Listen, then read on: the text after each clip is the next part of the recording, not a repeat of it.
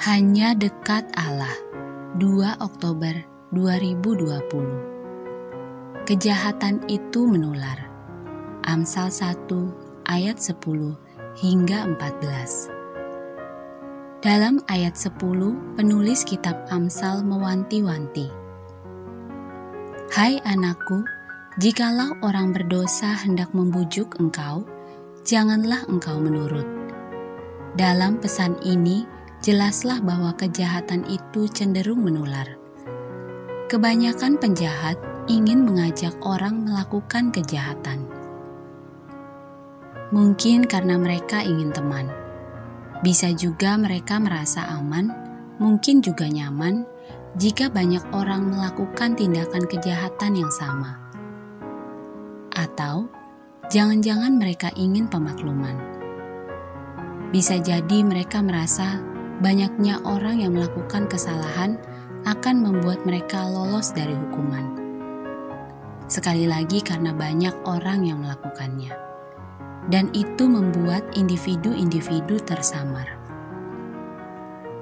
Dalam skala kecil, itulah yang terjadi di kalangan pelajar dengan tawurannya.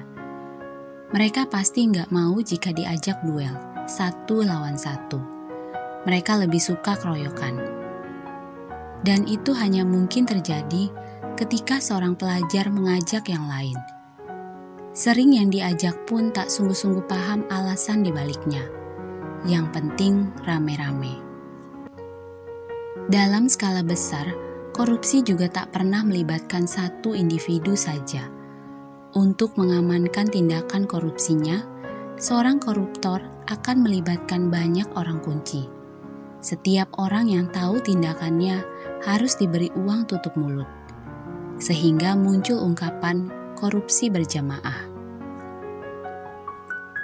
Di atas semuanya itu, dengan jelas penulis kitab Amsal mengingatkan pembacanya untuk waspada dan jangan ikut-ikutan.